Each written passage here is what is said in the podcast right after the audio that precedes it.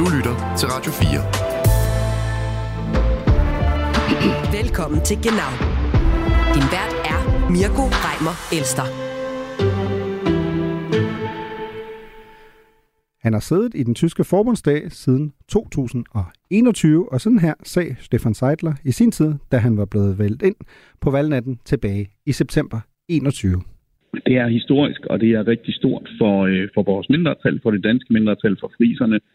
Øhm, det er også rigtig stort for vores region, fordi vi øh, er jo gået til valg med at ville sætte Slesvig-Holsten øh, mere på dagsordenen i Berlin, fordi vi bliver forbigået.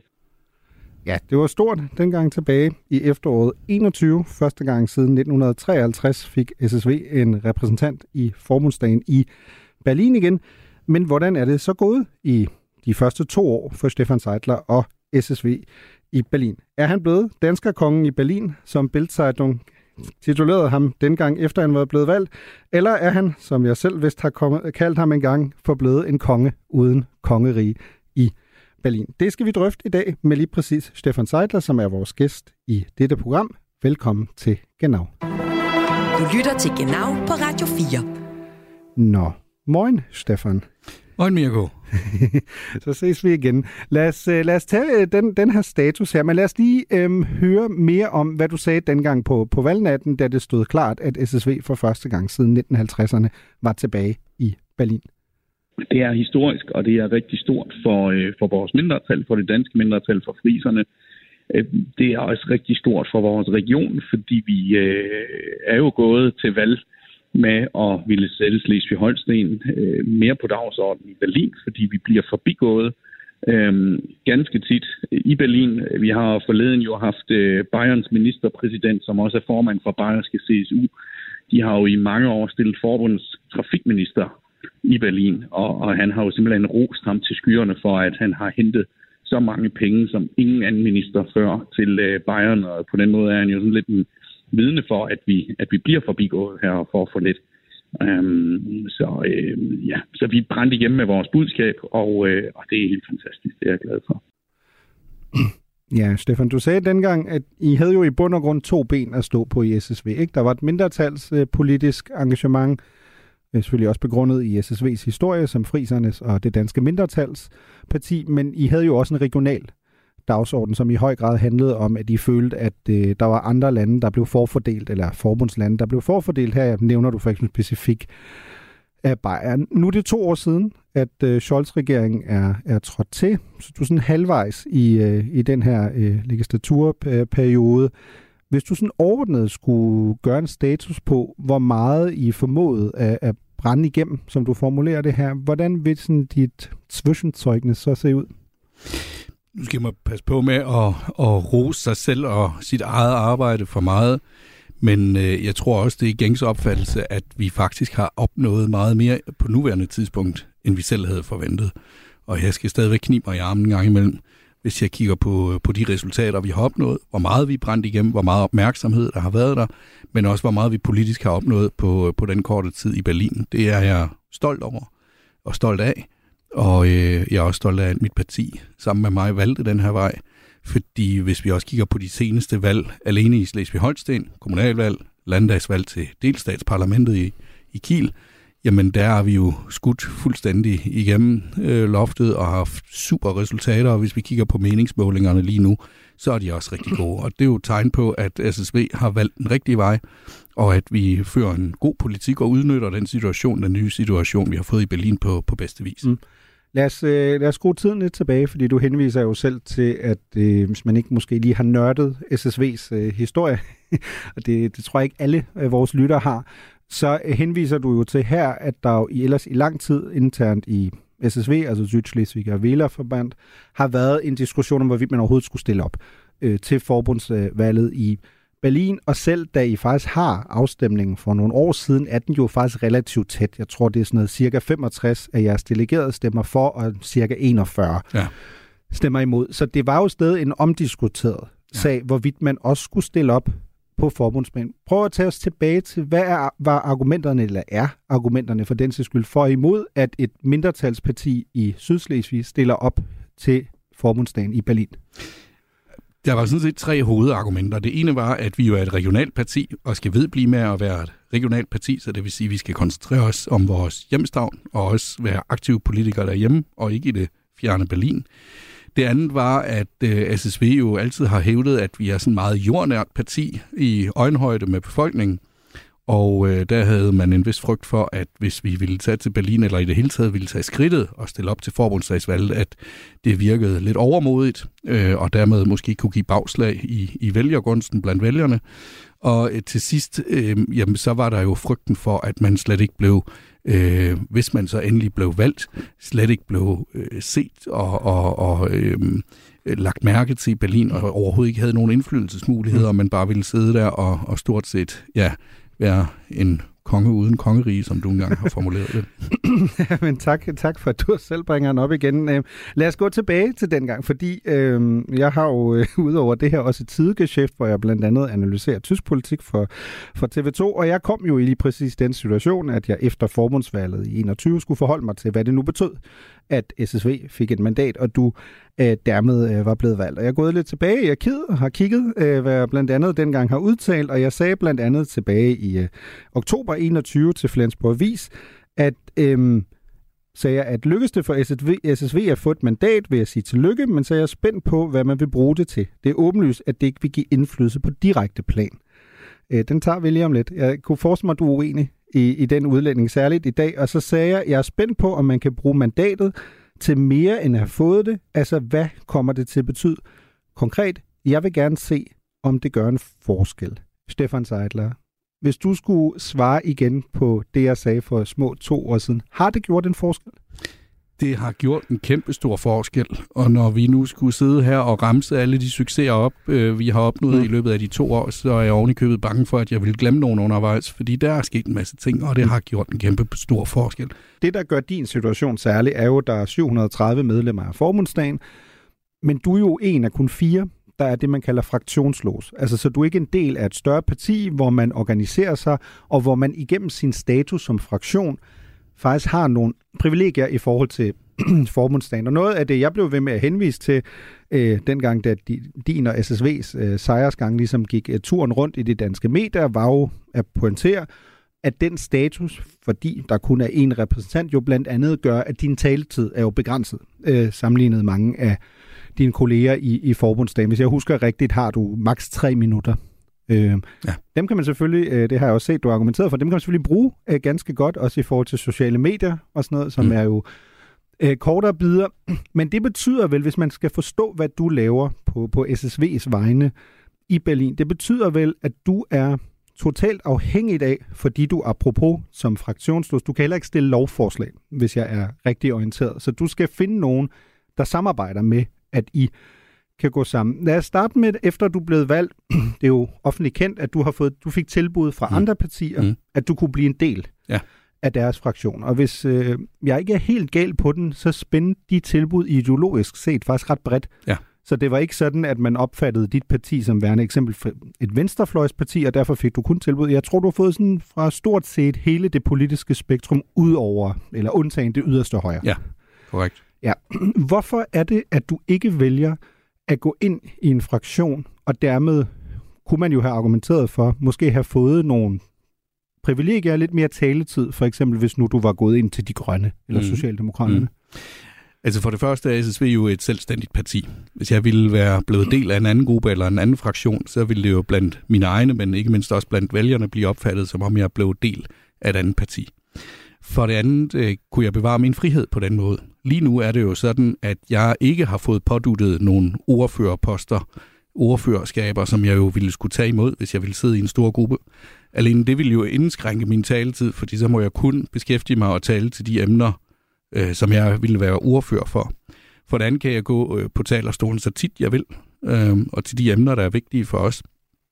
Det ville jo heller ikke have været sådan, hvis jeg var i en gruppe, fordi hvis man sidder i en gro- stor gruppe med 200-300 medlemmer, jamen så er det jo selvfølgelig formandskabet, der afgør, om, om man kan tale eller ej. Men det gør jo øvrigt også, at jeg meget frit kan bevæge mig inden for de andre demokratiske grupper i forbundsdagen og skabe alliancer omkring de emner, der er vigtige for mig og føre dem frem. Og nu sagde du rigtig nok, at jeg ikke kan stille lovforslag. Jeg har jo alligevel gjort det. Jeg har i øvrigt ganske usædvanligt i tysk historie stået på lovforslag sammen med den tyske regering, kommer også til at gøre det igen.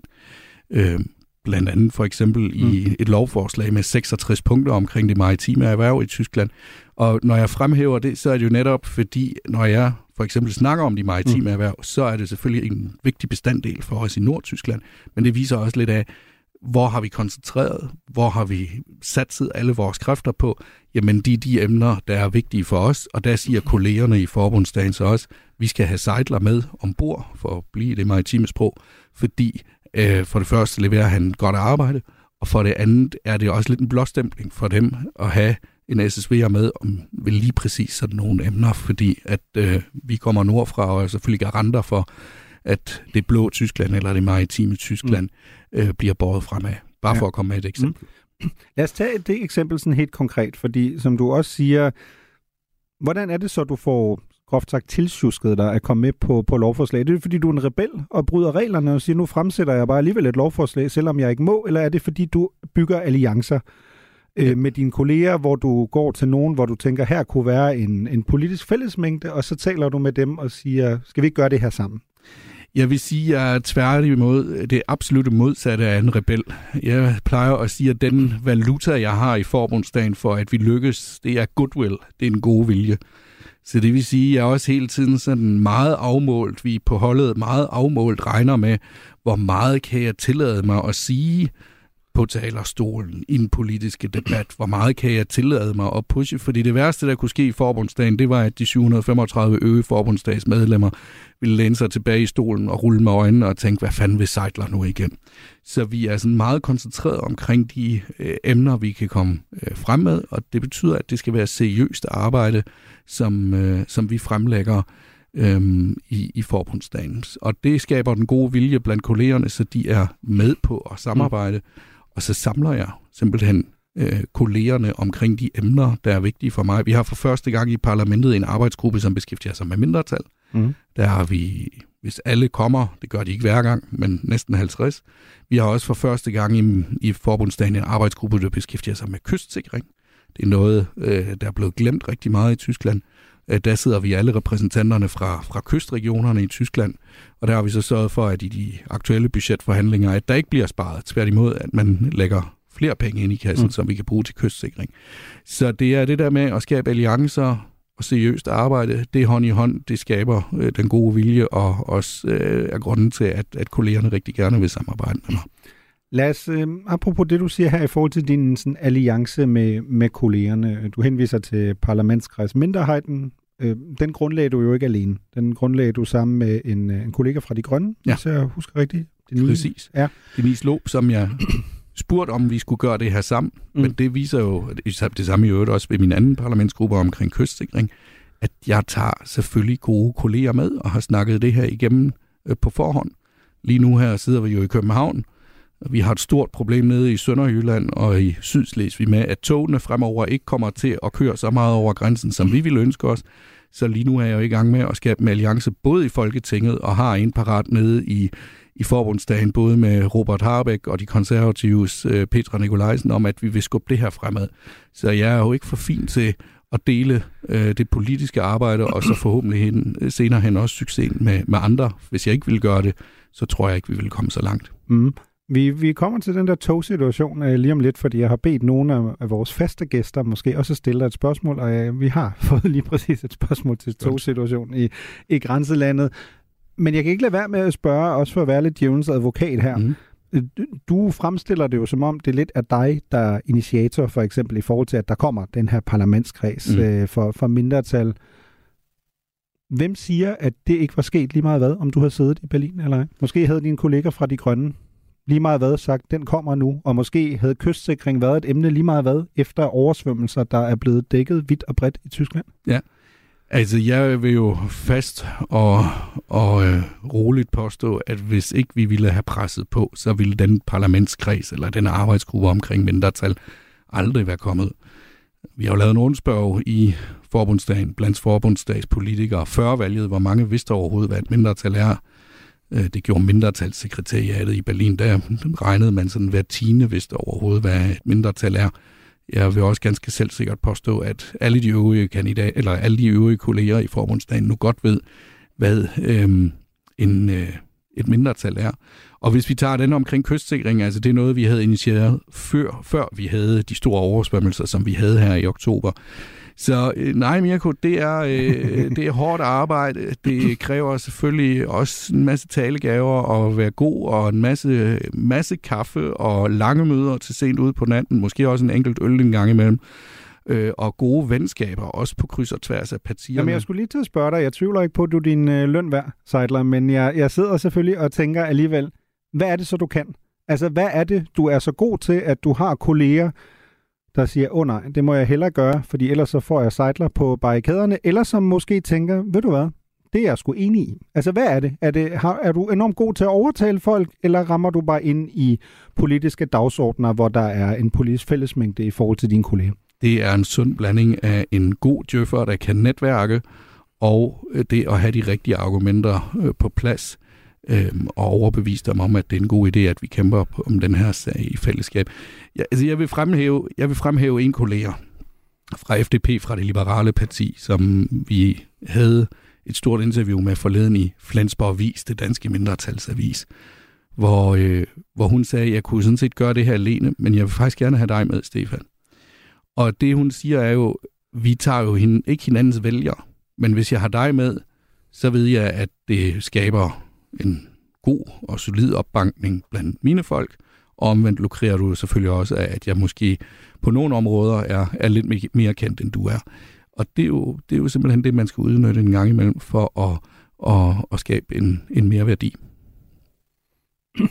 Lad os, øhm, fordi det henviser jo også lidt til, at noget, at jeg synes, når man sådan går igennem avisartikler om dig de seneste to, to og et halvt år, så det udtryk, man læser igen og igen øh, i de tyske medier, er, du bliver beskrevet som en enmandshær. Men når man lytter til dig her, så lyder det jo egentlig ikke som om du er en her, der er på et form for, for feltog. Øh, tværtimod siger du vel egentlig, at du er velvidende om din position, og derfor ved du også, at hvis du og SSV skal stå stærk, så bliver du nødt til at blive spillet stærk af nogen, der er større end dig. Som, som du også her henviser til i forhold til dine kolleger fra de liberale, som i bund og grund kunne være ligeglade med dig og sige, jamen, det afhænger ikke af Seidler, om det her kommer igennem eller ej, men vi har en interesse i at få ham med, både i forhold til at legitimere de, øh, de mm. lovforslag, vi har, ja. men også fordi der er en, en fælles mængde. At, har det været sådan en del af, af strategien hele vejen igennem, at du kommer ikke til kunne tons igennem dernede, fordi du, så tonser du alene rundt på dit kontor, og det er egentlig også lidt ligegyldigt, eller er det noget, der er kommet til dig øh, undervejs? Fordi grund til, at jeg spørger på den måde, er også, at William lidt skal snakke om, det er jo en stor forbundsstat. Der sidder mm. plus 700 mennesker. Mm. Jeg har en formodning om, at de ikke alle sammen vidste, hvem du var, da du kom. Er det sådan helt skudt ved siden af? Nej, overhovedet ikke. Det er fuldstændig rigtigt. Øh, men jeg går ud fra, at øh, mange kolleger ved, hvem jeg er. Og øh, det er der også mange pinlige øjeblikke, hvor jeg sidder på en, en bar i Berlin eller ved morgenkaffen et eller andet sted på en, på en café, hvor der kommer folk hen og taler med mig, som om jeg præcis ved, hvem de er, og for det, når det først stener går op for mig, at det kolleger, jeg sidder sammen med i forbundsdagen. Strategien har hele tiden været, at vi øhm, satser på de emner, der er vigtige for os. Og strategien er også nu, du, altså du har jo selv været inde omkring det, jeg, jeg kan sådan, sådan, som sådan kan jeg ikke stille lovforslag. Så jeg er hele tiden afhængig af, at der kommer et lovforslag, hvor vi kan få en fod med ind i døren, hvor det er relevant for os. Og der vil jeg komme med et konkret eksempel. Tyskland ændrer navneloven nu. Mm. Det er noget, der længere har været undervejs. Og der har jeg selvfølgelig med det samme øh, reageret og sagt, så skal vi også ændre navneloven således, at friserne fremover kan bruge deres traditionelle navne, som prøjserne for mange hundrede år siden forbudt, og det samme gælder danskerne med deres mellemnavne, og at vi fremover også kan give vores børn fra fødslen af danske bogstaver, altså Ø, E og Å.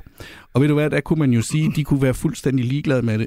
Men da navneloven for sidste gang blev tredje behandlet i forbundsdagen her for godt og vel to uger siden, der står den tyske justitsminister i sin tale og fremhæver mig i godt og vel, øh, hvad ved jeg, et halvandet minut i hans tale. Hvorfor skulle han gøre det? Hvorfor skal han fremhæve den ene SSV-mand? Det er jo fordi han ved, og hans parti ved, det i dag også handler om at lave god mindretalspolitik. Og de taber jo ikke noget ved at, at fremhæve os og vores politiske mål nærmere tværtimod, som du sagde lige før. De legitimerer os deres ting igennem os. Og det skal jo spilles strategisk hele tiden. Det er vi meget bevidste omkring. Det betyder selvfølgelig også, at der måske er nogle områder, hvor vi holder fingrene fra og ikke vil blande os i. Mm. Det, det er jeg som, som, som selvfølgelig lidt uh, taknemmelig for, fordi uh, du og jeg kender jo nok begge to den situation, når man er tysk født, men uh, dansk gift, mm. så, uh, så kommer der jo en situation, hvor når man skal forholde sig til navne, mm. det er noget af et puslespil, fordi man, uh, jeg ved ikke, hvordan det er med din kone, Stefan, men hvis man kommer ind i sådan en klassisk dansk familie, der har tre-fire navne i alt, og mm. de skal vælge, mm. og jeg, jeg kan for eksempel, altså personligt, altså eneste grund til, at jeg hedder Reimer Elster med bindestreg nu, det var jo for, at navnet kunne blive godkendt. Præcis. Ja. Begge steder, ikke? Og lige ja. skulle sendes til Tyskland og accepteres. Det var ligesom den, den eneste. Og jeg kan tydeligt huske, at min specialevejleder på, øh, på universitetet i sin tid sagde, at øh, nu har du et navn, der lyder som et tysk forbundsland. ikke? Fordi det kunne også lige så godt være, være noget andet. Så det, det er jo glimrende. Ja. Øhm, men der er vi jo også tilbage, som du siger, dine kolleger taber ikke noget ved, at de også lige tager det danske perspektiv med. Tværtimod, hvis de ikke havde gjort det, kunne jeg forestille mig, at du havde lavet en masse larm ja. øh, omkring det. Lad os lige tage en bid med i forhold til dine kollegaer, som er fra NDR, relativt kort tid efter øh, du var blevet valgt, ja. hvor NDR's reporter lavede en reportage i Berlin og spurgte øh, folk til, hvad de synes om dig. SSW, ja klar.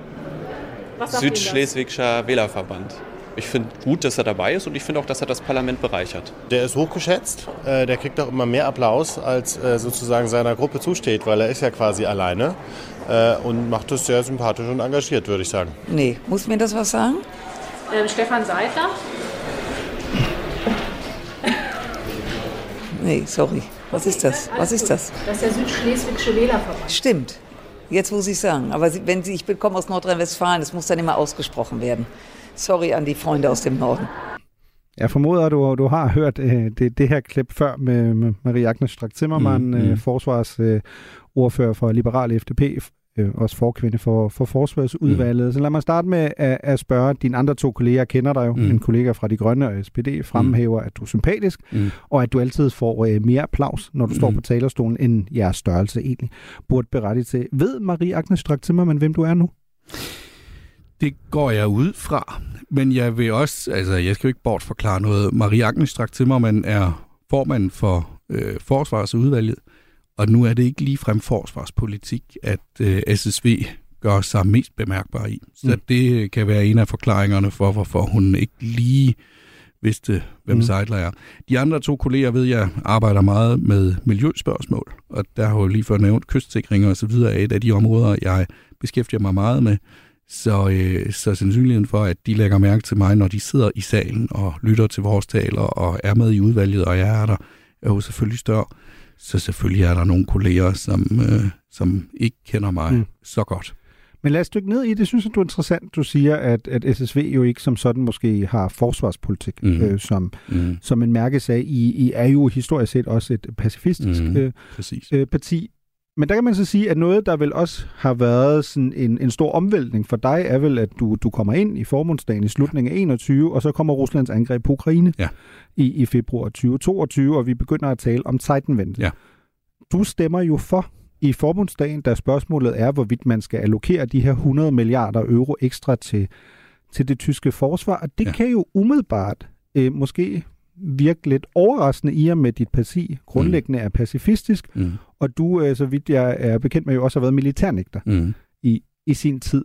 Så hvad var overvejelserne dengang at gå i den retning, hvor man fra SSV's og fra din side siger, vi vil faktisk gerne være med til, at vi støtter en massiv oprustning af det tyske forsvar?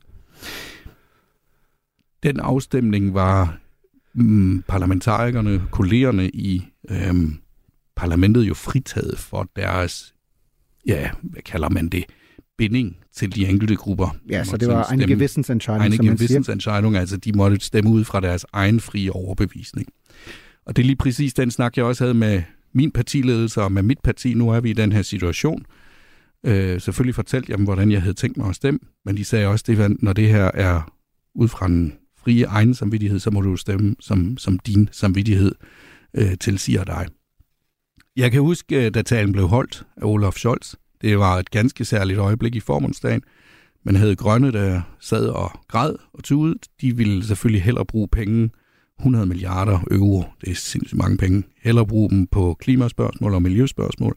Men havde Socialdemokraterne, der øh, applauderede for deres kansler, men, men endnu mere mærkværdigt var, at jeg over på højrefløjen oplevede konservative politikere, der hoppede op af stolen og råbte bravo i lige præcis øh, rigsdagssalen. Det, det må jeg så lige skynde mig at sige, det var et særligt øjeblik. Jeg kan huske den dag, vi skulle stemme... Lad os, om, lad os tage den, synes ja. Er meget interessant, Ja. at du nævner det, også sådan, er sådan, kan man sige, af egen frivillig. Hvorfor synes du, det er mærkeligt? Altså, er det fordi, du kigger på det og tænker i en i rigsdagen med den historiske fortid, der er også i forhold til det tredje rige, der burde man som tysk politiker aldrig have lov til at juble over, at man faktisk tilfører det tyske forsvar de penge, der skal til for at komme op på den 2% måde i NATO, som man ellers har lovet i lang tid. Eller altså, synes du, det er upassende at juble over flere penge til tysk forsvar? Nu har du jo lige selv sagt lige før, at SSV er et pacifistisk mm. parti. Jeg selv har været militærnægter, og et konservativ politiker tiljubler en socialdemokratisk forbundskansler. Det er ganske usædvanligt. Og med den historie, Tyskland har, mm. ja, så synes jeg 100 milliarder euro til militæret i et land, som traditionelt altid har holdt sig tilbage med militærinvesteringer, er noget ganske særligt. Og det er noget, man ikke kun skal synke en gang over, måske fire-fem gange. Mm. Og det er også det, jeg skulle frem til afstemningen, så hvor jeg var i en situation, at, øhm, at der var en lille gruppe grønne parlamentarikere, der kom hen til mig og spurgte, Seidler, vi ved, SSV er et pacifistisk parti, og du siger for det meste fornuftige ting. Hvordan har du tænkt dig at stemme? Og jeg vidste, at regeringen på det tidspunkt i øvrigt ikke havde, de havde flertal, men de manglede stadigvæk en del blandt deres egne rækker for at stemme for. Og den fortalte jeg så, at lige på vejen ind i salen ringede min ældste datter, og hun kunne høre, at det ringede højlydt i baggrunden. Jeg sagde, at det var stemmeklokkerne, vi skal ind og stemme nu om lige præcis de her penge. Og hun spurgte, hvad vil du stemme for? Og jeg sagde, at jeg vil stemme for. Og min datter sagde, at det er jeg glad for, fordi jeg er bange for Putin. Det var den ene ting. Og der kunne jeg godt mærke, at den ene grønne politiker blev lidt, lidt våde i øjnene. Og derefter sagde jeg, at for mig handler det om at bevare frihed og fred og demokrati i vores hjemstavn. Og min fælles hjemstavn er ikke kun Sydslesvig, det er også Østersøregionen. Og ud fra de overvejelser kunne jeg med god samvittighed både over for mit parti og mine vælgere stemme for flere penge til militæret, og jeg har ikke fortrudt det til dags dato, faktisk tværtimod. Jeg har taget det op i partiet, vi har drøftet det både til landsmøde og til hovedvalgsmøder, og de fleste bakker op om lige præcis den her linje. Og jeg kunne se, at de, den, den grønne gruppeformand, hun kiggede noget op, da vi snakkede, og jeg ved også, at nogle af dem så alligevel har stemt for, selvom de ikke ville. Så på den måde kan man også gøre en forskel som SSV'er i de små. Du siger, du, du stadig ikke fortryder øh, den dag i dag, at du, du stemte for Seidenvente på en, på en måde jo også øh, symbolsk, men, men hvis du sådan kigger på det her halvandet, snart to år, hvad er din status? Altså sådan selv som en, der også er, er folkevalgt og sidder i Berlin. Altså der er jo en masse diskussioner om, at det går lidt trængt, og det går ikke lige så hurtigt, og forsvaret har stadig ikke fået tilført de, mm de penge. Jeg formoder ud fra det, du også har beskrevet i forhold til din egen baggrund, du er nok ikke ham, der banker øh, på tyske forsvarskontor og siger, kan I lige få lidt mere krudt og kugler lynhurtigt, men hvordan, hvordan har du det med det, at det virker til at gå meget træt? Ja, måske den der banker på dørene, når det handler om, at der bliver bygget skibe, Mm. også militære skibe i min hjemmehavn i Flensborg på værftet, for at skabe lidt arbejdspladser. Men alt i alt betragtet, både hvad de 100 milliarder til militæret angår, og rigtig mange andre penge, som den tyske regering har taget i hånd for at øh, tage fat på energikrisen, for at tage fat på klimakrisen, så ser vi jo i øjeblikket, at det går utrolig langsomt. Og at det langt hen ad vejen er, jeg vil tillade mig at kalde det dårligt management. Sådan ser det i hvert fald udad til, Mm. øh, ud, udefra til. Øhm, så på den måde er jeg jo skuffet. Jeg havde forventet, at der var lidt mere vums i, øh, i det her. Og når jeg siger ordet vums, så er det jo det udtryk, som kansleren selv brugte i en Mm. anden meget kendt tale, hvor han øh, ville beskrive, at der skulle være ja, nærmest en eksplosionsartig øh, øh, bevægelse i, i de her udviklinger og i de her investeringer. Og det udblevet, og det kan man jo se, at lige nu kulminerede det så i, at den tyske forfatningsdomstol øh, på Mm. nogle områder har sagt, at de her penge, som man vil bruge til lige præcis investeringer på klimaområdet, men også energiområdet, er ulovlige. Og øhm, Hvad synes du om det? Fordi det er jo noget af en, sådan en Beimann, også i forhold til det, altså du og dit parti repræsenterer. Altså rent øh, politisk synes jeg, det er en katastrofe. Og rent parti, eller politisk håndværksmæssigt, synes jeg jo også, det er en katastrofe. Fordi det, vi oplever med den nuværende tyske regering, er, at der er en masse ting, der bliver pisket igennem i et absurd højt tempo i parlamentet, så jeg faktisk som enmandsherre næsten ikke kan følge med. Og så viser det sig efterfølgende, at tingene ikke er blevet lavet ordentligt, og der er en masse ting, der falder, øh, falder bagover. Og, øh, og det dur ikke. Øhm, og der må jeg så sige, der er jeg noget skuffet over regeringen, og hvis du vil spørge mig, hvad det skyldes, jamen så er det interne skamysler i, i regeringen. Fordi liberale, grønne og socialdemokrater, de har det ikke for godt sammen i den regering i, i Berlin. Mm. Og måske er det slet ikke engang så meget regering, det er mere på parlamentsniveau, at jeg oplever det. Og det gør jo så, at når de så endelig har fundet, er blevet enige omkring noget, jamen så skal det piskes så hurtigt igennem parlamentet, så man faktisk til del slet ikke engang overholder de demokratiske spilleregler, som, øh, som vi har. Mm. Men hvad, øhm, altså du siger selv, at du sådan, det virker som om, du er lidt skuffet, men du forstår også sådan analytisk, hvorfor det skyldes. Det er svært, der er en regering med tre meget forskellige partier, de har nogle forskellige prioriteter. Men nu henviste du lige til Wums og, og Scholz. Øh, så kan jeg jo spørge dig, som en, der, der, jo, der jo kender ham øh, lidt øh, trods alt. Altså vi taler om en mand, der tilbage i sin tid som overborgmester i Hamburg sagde, at hvis man vil have lederskab, og hvis man bestilte det hos ham, så, øh, så fik man det. No, udefra kan man nogle gange tænke, at det lederskab bliver leveret med PostNord. Det, det går lidt, det går lidt, øh, går lidt langsomt. Hvad er dit indtryk af Scholz? Altså han bliver jo i hvert fald, hvis man kigger på målingerne, entydigt beskrevet som en, der ikke øh, leverer, og som ikke er en stærk leder. Altså karismatisk er han jo bestemt ikke. Det tror jeg, de fleste i verden og Europa har lagt mærke til. Og nej, jeg synes ikke, han leverer, når vi kigger på, øh, på regeringssamarbejdet. Han skal bruge utrolig meget tid på at holde tropperne sammen i regeringen og, og blandt, blandt regeringspartierne. Øh, og hvis vi så vender den om igen, jamen selvfølgelig, så er det da øh, udmattende at bruge så meget tid på lige præcis sådan noget, når han i virkeligheden gerne vil, øh, vil fremad. Øh, så ja, det er skuffende, og øh, om det er dårligt lederskab, måske er det også bare dårlig kollegialitet og prof- professionalisme blandt de øvrige, der er med i regeringen. Han sidder jo ikke alene der. Han har jo en del andre, han øh, samarbejder med, eller som burde samarbejde bedre med ham. Mm. Men nu har du jo selv sagt, at en del af, af den opskrift, du selv mener, du har haft i forhold til din og, og jeres succes, det er, at du har været god til at danne netværk, og du har, du har åbenbart drukket rigtig meget kaffe. Øh, og i og med, at du mener, at øh, god vilje er din valuta, så lyder det jo ikke som om, du selv mener, at du er i underskud øh, på, den, på den front. Så man kunne vel også vente om at sige, at det, du beskriver, er jo en svag leder. Altså, det er jo en mand, der ikke har styr på sine egne tropper, og som ikke har styr øh, på regeringen. Og nu kan vi jo tage en af dine, øh, ikke om end ikke partifælder, men jo øh, hjemstavnsfælder. Mm. Altså, vi taler om en mand, Scholz, som i offentligheden jo ikke engang holder de taler, en kansler typisk vil. Det er din kollega fra Flensborg, Robert Harbeck der, der holder de taler, der, der går verden rundt. Ja. Så måske sidder den hemmelige kansler faktisk i Flensborg? Det øh, var der jo flere, der mente også inden valget, ikke også, at han skulle være kanslerkandidat. Hvem ved, hvad udviklingen er blandt de grønne? Måske bliver han spidskandidat. Hvis vi kigger på meningsmålingerne i Tyskland lige nu, så står de grønne jo ikke til mm. at, at stille en kansler. Omvendt, hvis du kigger på oppositionen i øjeblikket, så burde ham, der er leder for oppositionspartiet Merz, med de dårlige resultater, som regeringen har i øjeblikket, så burde ham der Mertz jo få langt bedre mailingsmålinger, langt over de 30, måske endda op i de 40 procent. Det får han heller ikke. Så der er sådan et dødt løb i tysk politik i øjeblikket, mm. og det skyldes jo nok også, at vi helt over på højrefløjen har nogen, som øh, får flere og flere øh, stemmer, i hvert fald når vi skulle tro på meningsmålingerne. Ja, hvordan har du det med det? At AFD øh, jo har været den store øh, vinder indtil videre af både den tillidskrise, der er i tysk politik, men jo også de forskellige kriser, vi har i forhold til energikrise, mm. øh, inflation og, og Jamen, andet. jeg er dybt bekymret. Selvfølgelig er jeg dybt bekymret, når et højrefløjsparti øh, får så, mange, så meget opbakning. Og dertil skal siges, jeg mener ikke, at man øh, kan sammenligne AFD med partier for eksempel i Danmark. Deres ungdomsorganisation bliver overvåget af den tyske efterretnings, øh, indrigs efterretningstjeneste. Der er politikere, som fra AFD har sagt, at de vil give nationalsocialismen et venligt ansigt. Altså, vi er helt over mm.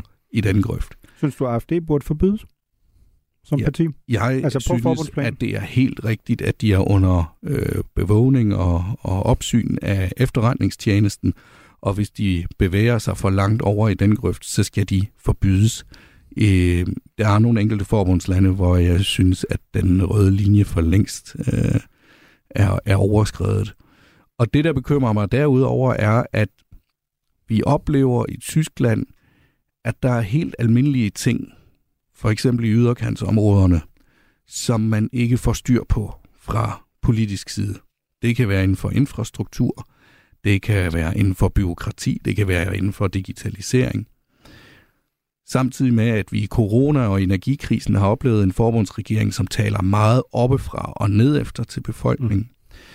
Og samtidig med, at vi har en regering, som er den tyske forfatningsdomstol nu for anden eller tredje gang i træk har fået at vide, at den her lov, I har prøvet på at få igennem, den er forfatningsstridig, eller det her budget, som I har prøvet på at få vedtaget, er forfatningsstridig. Og det gør jo, at befolkningen mister tilliden og tiltroen til politikere, og i værste tilfælde, og det er det, vi oplever i øjeblikket, i demokratiet i sin helhed. Og det er derfor, vi oplever, at der er flere og flere, der bliver kastet over i armene på højrefløjen nu til AFD, og i venstrefløjen er der også ved at komme et nyt parti øh, omkring øh, hende, der hedder Sara Wagenknecht, mm. som er stor tilhænger af Putin, øh, som, øh, som også vinder frem. Og det er, øh, det er da utrolig bekymrende. Er, er, befinder Tyskland i sådan, sådan, sådan en form for demokratisk øh, krise, ud fra det, du beskriver der, med mere og mere øh, tilstrømning sådan til, til yderfløjene, i hvert fald især, især til højre. Man kunne jo også vente om at sige, at det er måske meget naturligt, når de etablerede partier til sydlandene i, i mange tyskers øjne ikke kan finde løsninger øh, på, på de problemer. Altså øhm. Tyskland befinder sig i en lang række kriser. I en økonomisk krise, i en krise, når det handler om øh, arbejdskraft, i en energikrise, i en klimakrise. Øh, vi er lige kommet ud af en coronakrise. Alle de kriser til sammen gør, at folk de mister tilliden i dem, der skal styre landet og skal finde på løsninger.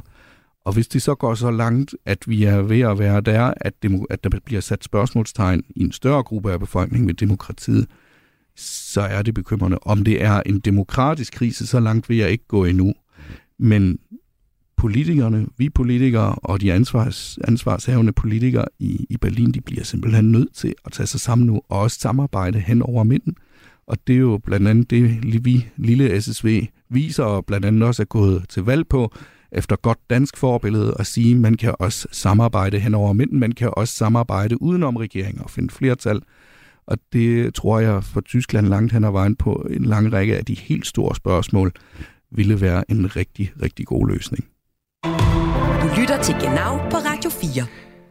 Lad os uh, tale, apropos nu har du selv nævnt, det her, den her sådan dansk-tyske uh, dobbeltidentitet, som du og SSV selvfølgelig er en naturlig årsag jo også uh, uh, slår meget på.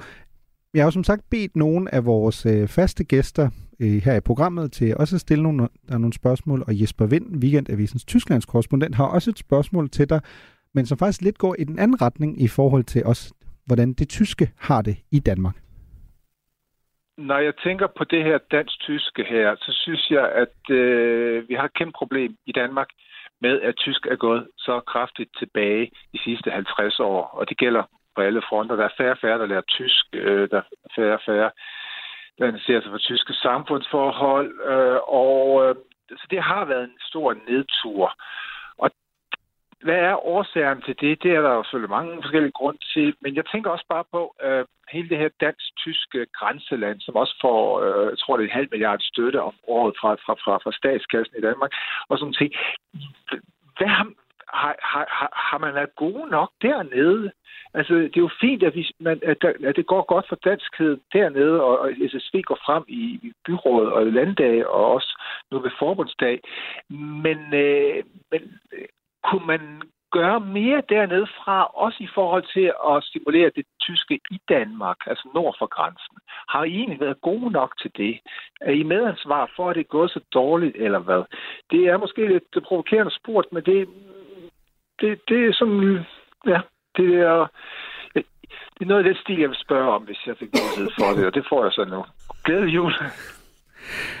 Ja, så hvad, hvad siger du til det? Fordi i lang historie kort, så siger Vind jo i bund og grund, han spørger om SSV, som det frisiske og danske mindretalsparti, måske egentlig også har en form for sådan, forpligtelse i forhold til at fremme det tyske. Ja. i Danmark, som jo, det, det ved du jo også, men der har sit, øh, sin gang i det danske, jo, jo har øh, trange kår. Mm, mm. Altså, jeg vil skynde mig at sige, den halve milliard kroner, øh, der går til, øh, til dem syd for grænsen, går ikke til grænselandet. Det går til det danske mindretal i Sydslesvig. Så det vil sige, det går rigtig meget til skoler og børnehaver og kulturelt arbejde. Mm. Og også lidt til kirke og aviser. Alt det et godt samfund nogle gange har. Og de penge, synes jeg selvfølgelig, er givet rigtig godt ud. Og nu er det jo sådan lidt svært. Vi giver også statsbloktilskud øh, bloktilskud til, til Grønland og til Færøerne. Og der ved jeg også, der er en stor diskussion, om det giver mening eller ej. Det er jo sådan lidt et vanskeligt spørgsmål. Nogle af mine venner nede i Sydslesvig vil sige, at vi må aldrig nogensinde gøre op i kroner og øre, hvad vi kulturelt og som mindretalt har af værdi. Men omvendt, øh, kære Mirko, ved vi også, at der er jo rigtig mange, der er gået i skole i Sydslesvig, som flytter nordpå, som får koner og børn, eller ægtefæller og børn øh, nordfor, som har en uddannelse, en videregående uddannelse i Danmark, og som bliver her og arbejder i virksomheder, og som udnyttes, eller på den gode måde udnyttes deres tyskkendskaber, ikke kun i forhold til det sproglige, men også i forhold til det kulturelle. Der er vi rigtig mange. Det skal vi ikke gøre op, hvor mange personer det drejer sig om, fordi det synes jeg, det ville være for sit mm. liv, det ville jeg synes var lidt ulækkert. Men, men Mirko, nu kigger jeg jo især på dig. Du ved, Jeg kan at se de det. er der. Jeg kan også se en lige nu. og, øh, og på den måde er det jo en, en mere værdi, øh, også for det danske Mm. mm. samfund. Øh, jeg vil sige, at lige præcis det danske mindretal gør jo rigtig meget for, at man også i Danmark får åbnet øjnene lidt mere øh, for det tyske og lærer sproget. Jeg synes, det ville være at gå for langt og give det danske mindretal skylden i, at der er folk, der måske er trætte af at lære tysk, nærmest tværtimod. Mm. Det er jo så et spørgsmål om uddannelsessystemet, og har man valgt de rigtige metoder der? Og hvad med virksomhederne selv? Altså det er dem, der råber højst efter mere arbejdskraft, som kan tysk og har tyskfærdigheder. Har de så også været med til at lave nogle programmer og nogle målrettede tiltag for at få fat i unge mennesker, som kan? Altså, nu har jeg læst, øh, selv læst statskundskab derinde ved siden af på Aarhus Universitet, der var det økonomi, man læste, og der ved jeg jo, at virksomheder, virksomhederne de stod i række for at få fat i de gode økonomer, der kom ud. Er der også nogle virksomheder, der står på universiteterne i Aarhus, København eller hvor end det er i Odense, og prøver på at få fat i dem, der kommer ud, som, som kan tysk og kender mm. til det tyske? Jeg tror, der skal nogle øh, bedre strategier til os fra, fra dansk side så.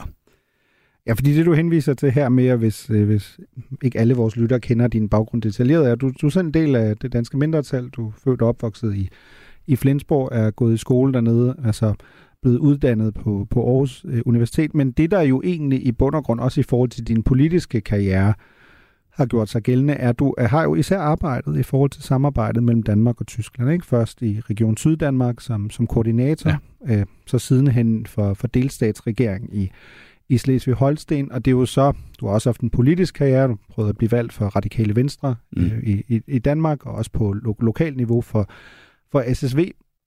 Men det, der har været, kan man sige, det bærende element, har jo været, at du har haft de her to kulturer, og du har haft det her særligt, du har været et form for bindeled, kan man vel godt sige, ikke? Mellem, mellem Danmark og, og Tyskland. Noget af det, jeg også godt kunne tænke mig at høre lidt om, er, hvordan bruger du, eller hvordan bliver det brugt i dit arbejde i, i forbundsdagen? Fordi du er jo for eksempel, øh, du er dansk-tysk koordinator i forbundsdagen, ikke? Hvordan kommer sådan noget op at stå? Var du simpelthen den eneste, der også kunne dansk? Ej, jeg, eller? har, jeg har været dansk-tysk koordinator i delstatsregeringen i Slesvig-Holsten, så det er en titel, der stadigvæk står i, i, i mit CV. Det er ikke noget, jeg aktuelt er. Det er noget, jeg har været. Men selvfølgelig, altså, det, det tilgangen til det danske brugs øh, langt hen ad vejen. Igen, du sidder i København og har netop ført mm. samtaler med, med ministre og folketingspolitikere. Jamen, når vi har nogle problemer i grænselandet, så prøver jeg selvfølgelig på at tage fat på, på kollegerne nord for grænsen. Mm. For eksempel, når man på den danske side af Flensborg Fjord, hvor det stadigvæk er tilladt at øh, fiske muslinger, men det er det ikke på den tyske side, så går jeg til fiskeriministeren og prøver på at finde en løsning der. Men det har også betydet hen ad vejen, at jeg har taget en masse gode kolleger fra forbundsdagen med til Danmark, og mm. øh, jeg har været med til at skabe alliancer på, på en lang række områder, hvor der er politikere, der, der har mødt hinanden, som, som, som normalt ikke snakker sammen. Øhm, når der er øh, besøgsgrupper, øh, værvsgrupper, alt muligt på besøg i Berlin, jamen så øh, tager, jeg selvfølgelig, tager jeg mig selvfølgelig meget gerne af dem og prøver på at forklare, hvor, hvor er det, at vi halter bagefter eller bagud i, i Tyskland, for eksempel på digitaliseringsområdet, og siger, hvis I ville komme med lidt mere aflag, og lidt mere... Øhm, Tror du er den første danske forælder, der nogensinde siger, at du vil have mere Aula, men okay. Og lidt mere nem idé mm. øh, hernede i Tyskland, så er der øh, måske et åbent marked. Ja, men jeg ved godt, men altså i Tyskland er det jo vidderligt sådan, at hver skole prøver at lave deres egen platform. Så det vil sige, jeg ved ikke, hvor mange skoler vi har i Tyskland, mm. men flere hundredtusinde egne platformer, og en vej frem i digitalisering er jo netop, at man har en platform som avler, så ved jeg godt, at der er mange, der skiller ud på det. Men det er blot et eksempel på, hvordan vi kan øh, få nogle gode danske løsninger ind til Tyskland, og det er jo selvfølgelig også noget, jeg mm. arbejder for. Lad os uh, tage en anden en af vores uh, faste gæster, Nora Sina, politolog, født og opvokset i grænselandet. Hun har også et spørgsmål til dig, som lige præcis går på den her, den her dobbelthed, du har, og at du jo på en måde jo lige præcis er en, jeg ved ikke om det er en dansker konge i Berlin, men du er i hvert fald en med en særlig dansk forbindelse. Hej Stefan. Jeg har øh, et spørgsmål til dig, som er, får du point eller får du høvl for at repræsentere noget dansk og noget Danmark i dit arbejde? Nej, jeg får ikke høvl. Øh, og jeg får heller ikke prank. Jeg får faktisk rimelig meget anerkendelse for, at jeg øh, fremhæver det danske hele tiden. Men også der vil jeg være helt ærlig og sige, øh, jeg var lige inde på det lige før, at det hele tiden er en afvejning. Og, øhm, og jeg har det sådan lidt som jeg også sagde før, det værste, der kunne ske, er, at kollegerne de begynder at rulle med øjnene og tænke, ej, nu snakker han sgu om Danmark igen. Mm. Så det er hele tiden også en afvejning af, hvor meget kan vi bruge af det her. Og det betyder så for eksempel også, når vi har nogle øh, processer, der rammer grænselandet, så fremhæver jeg måske ikke altid som det første min egen hjemstavn og det dansk-tyske grænseland. Men, men mindre, så, det, mindre det handler om p-skiver i Flensborg? Så gør jeg. Men, ja, men også der har jeg jo mm. henvist mm. til, at vi har samme problem med Holland og med mm. Schweiz. Mm. Altså, så fremhæver jeg også de andre grænselande en gang imellem, og det skaber mig jo igen en god opbakning, fordi der er mange kolleger, som også bor i et grænseland, og som ved, at de har nogle tilsvarende problemer hjemme hos dem. Mm. Hvad med, der er vel også emner, hvor du måske ikke nødvendigvis siger til dine kolleger, kig endelig mod Danmark. Jeg kunne forestille mig i forhold til jeres sådan, egen ideologiske positionering, du står nok ikke nede i forbundsdagen og siger, hey, asyl og flygtninge og indvandringspolitik, kig endelig mod Danmark. Der siger du vel mere, luk øjnene for den danske udlændingepolitik, eller hvordan? Der siger jeg, at den øh, politik, som den danske regering nu her og i den senere tid har kørt, ikke ligefrem er forbilledagtig. Øh, og det siger jeg også højt og tydeligt. Øhm, og, øh, og det mener jeg også. Øhm, det, der er interessant i øjeblikket, er, at øh, der er en vis form for politisk turisme og opmærksomhed fra tysk politik mod Danmark, hvad asyl- og udlændingepolitik angår. Um, og der holder jeg jo selvfølgelig helt klart imod, at det ikke er det forbillede, i hvert fald ikke den vej, som, som vi i SSV ønsker. Og det siger jo sig selv, at som et mindretalsparti er vi et meget humant parti, meget åbent parti, og vi kender grænselandet og ved godt, at man kan løse en hel masse problemer ved en fornuftig, åben tilgang til hinanden, i stedet for at lukke grænser og lukke sig om sig selv. Lad os tale om ting, uh, apropos grænselandet, lad os tale om ting, der ikke fungerer så godt i grænselandet, ja. nemlig uh, offentlig transport. Ja. Uh, vi har et andet spørgsmål fra en af vores faste gæster, Philip Ostrovic, ja. uh, som uh, i et forrige liv var god ven uh, med Deutsche Bahn og DSB. Jeg er ikke så sikker på, at han er, han er det længere. Lad os lige prøve at høre, hvad Ostrovic vil spørge dig om. Hej Stefan. Um, det er dejligt, at du er gæst i uh, Genau. Vi har jo tidligere talt om tyskertoget, som du blandt andet har sørget for, at den nu stopper. Det nu stopper i Slesvig. Men jeg har et andet spørgsmål. Vi tog toget for nogle dage siden, og vi stod ude i kulden i faktisk ret lang tid, bortset fra at toget til Kiel så ikke kørte osv. osv. Men det kunne jo være en idé, at det skulle være en ventesal i Slesvig, fordi den smukke banegårdsbygning er jo lukket i dag og har været i mange år, kunne jeg, øh, kunne jeg høre på mine forældre. Så det var sådan et lille ekstra ønske for dem, der skulle fra København til Kiel flere gange. Så Stefan, måske kan du gøre noget ved det. Og ellers mange, mange tak for mange år i god, godt samarbejde. Ja, det Ostrovich henviser til her er jo en gang, det er den konkrete situation i, i Slesvig by, hvor jeg jo selv er født og opvokset, mm. og det er ikke kønt, når man Nej. kigger på, på banegården, men det er jo også en del af et større problem, ja. altså i forhold til grænseoverskridende øh, trafik.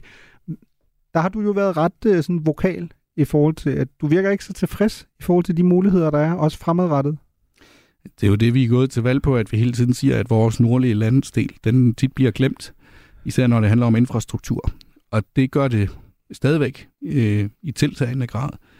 Øhm, på lørdag, nu her, mens vi taler, på lørdag skal vi stå ved perronen i Flensborg og vinke farvel til det sidste IC-tog, der kører til Aarhus fra Flensborg. Så kører der ikke flere. Så er det kun små regionaltog, der kommer. Fremover vil det være sådan, at hvis man vil nordpå, så skal vi skifte i en lille landsby i Sønderjylland, der hedder Tinglev.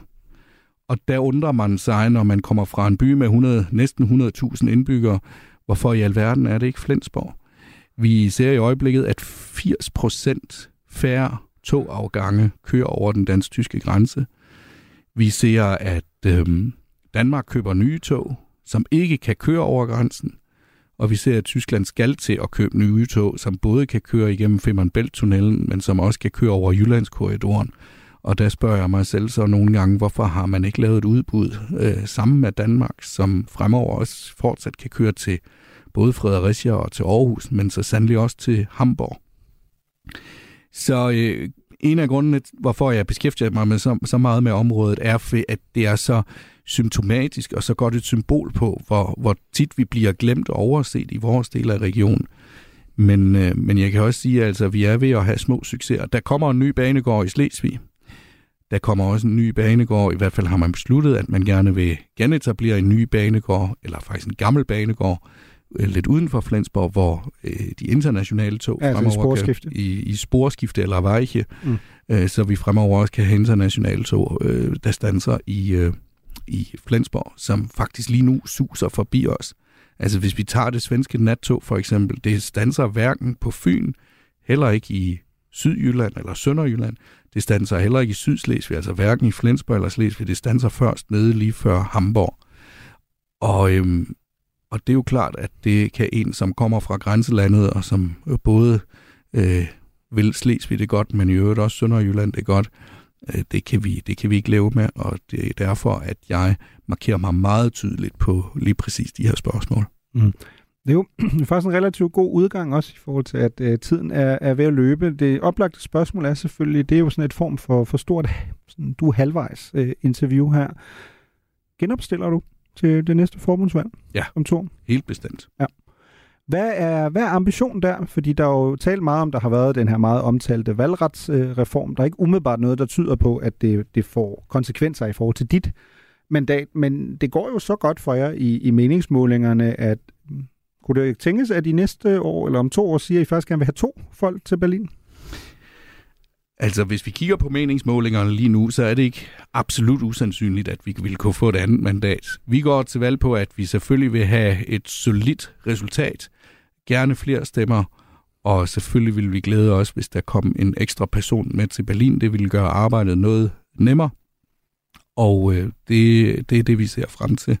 Og, men for os handler det jo først og fremmest om, at de politiske mærkesager, vi har, øh, dem skal vi køre på. Altså mindretalspolitik, man opnår aldrig det stadie, hvor man siger, så nu har vi opnået alt det, vi gerne vil have. Det er noget, man hele tiden skal kæmpe for.